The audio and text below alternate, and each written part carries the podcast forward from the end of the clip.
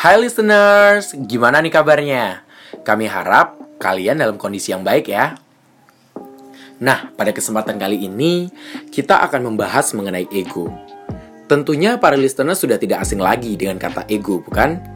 Menurut Sigmund Freud, salah satu tokoh dalam psikologi, ego adalah komponen kepribadian yang bertanggung jawab untuk menangani realitas.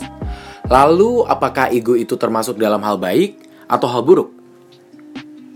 Ego sendiri merupakan bagian dari pikiran yang terbentuk melalui proses hidup seseorang. Faktor-faktor yang dapat membentuk ego di antaranya adalah pengalaman hidup, wawasan, bacaan, dan juga hal yang dilalui dalam perjalanan hidup. Selain itu, ada bakat, keahlian, atau kemampuan yang dicapai juga termasuk dalam faktor yang dapat membentuk ego listeners. Oleh sebab itu, ego sering kali dikaitkan dengan harga diri atau rasa percaya diri. Ego tidak tergolong di dalam hal positif maupun dalam hal negatif, melainkan sebagai fungsi dari pikiran yang terbentuk melalui proses kehidupan pribadi masing-masing individu.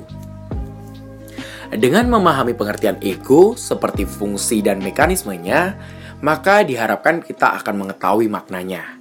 Sekarang, mari kita membahas mengenai ego dalam tema yang sama seperti minggu-minggu sebelumnya, yaitu tentang percintaan.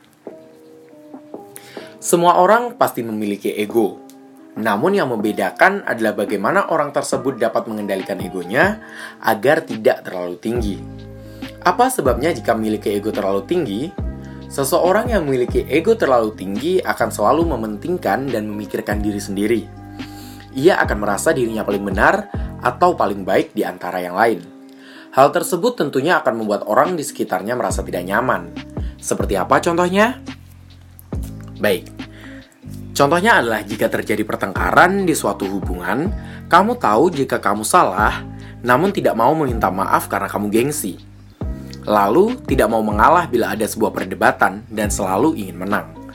Maka dari itu, alangkah baiknya jika kita belajar untuk mengendalikan ego yang ada di dalam diri kita. Salah satunya dengan cara merubah pola pikir yang selalu menganggap diri paling benar, belajar untuk menerima kesalahan, dan juga belajar untuk maafkan. Sekian dari kami, have a good weekend listeners!